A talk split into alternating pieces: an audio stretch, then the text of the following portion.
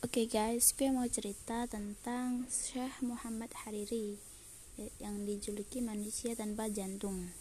Yang pernah saya post di story Facebook yaitu beliau.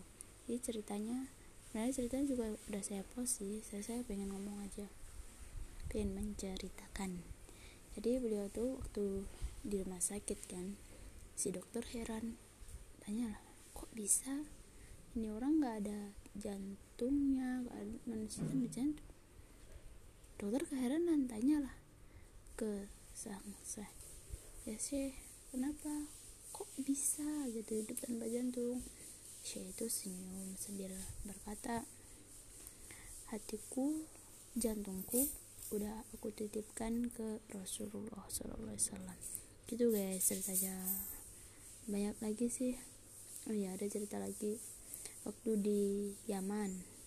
Dia berkunjung ke Yaman dan di Yaman beliau nggak ketemu sama sekali sama Rasulullah.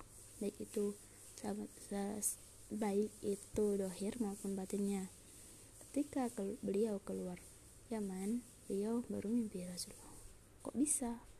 Mimpi itu Rasulullah berkata kalau kamu lihat Habib Umar Habib Umar bin Hafid sama saja kamu melihatku.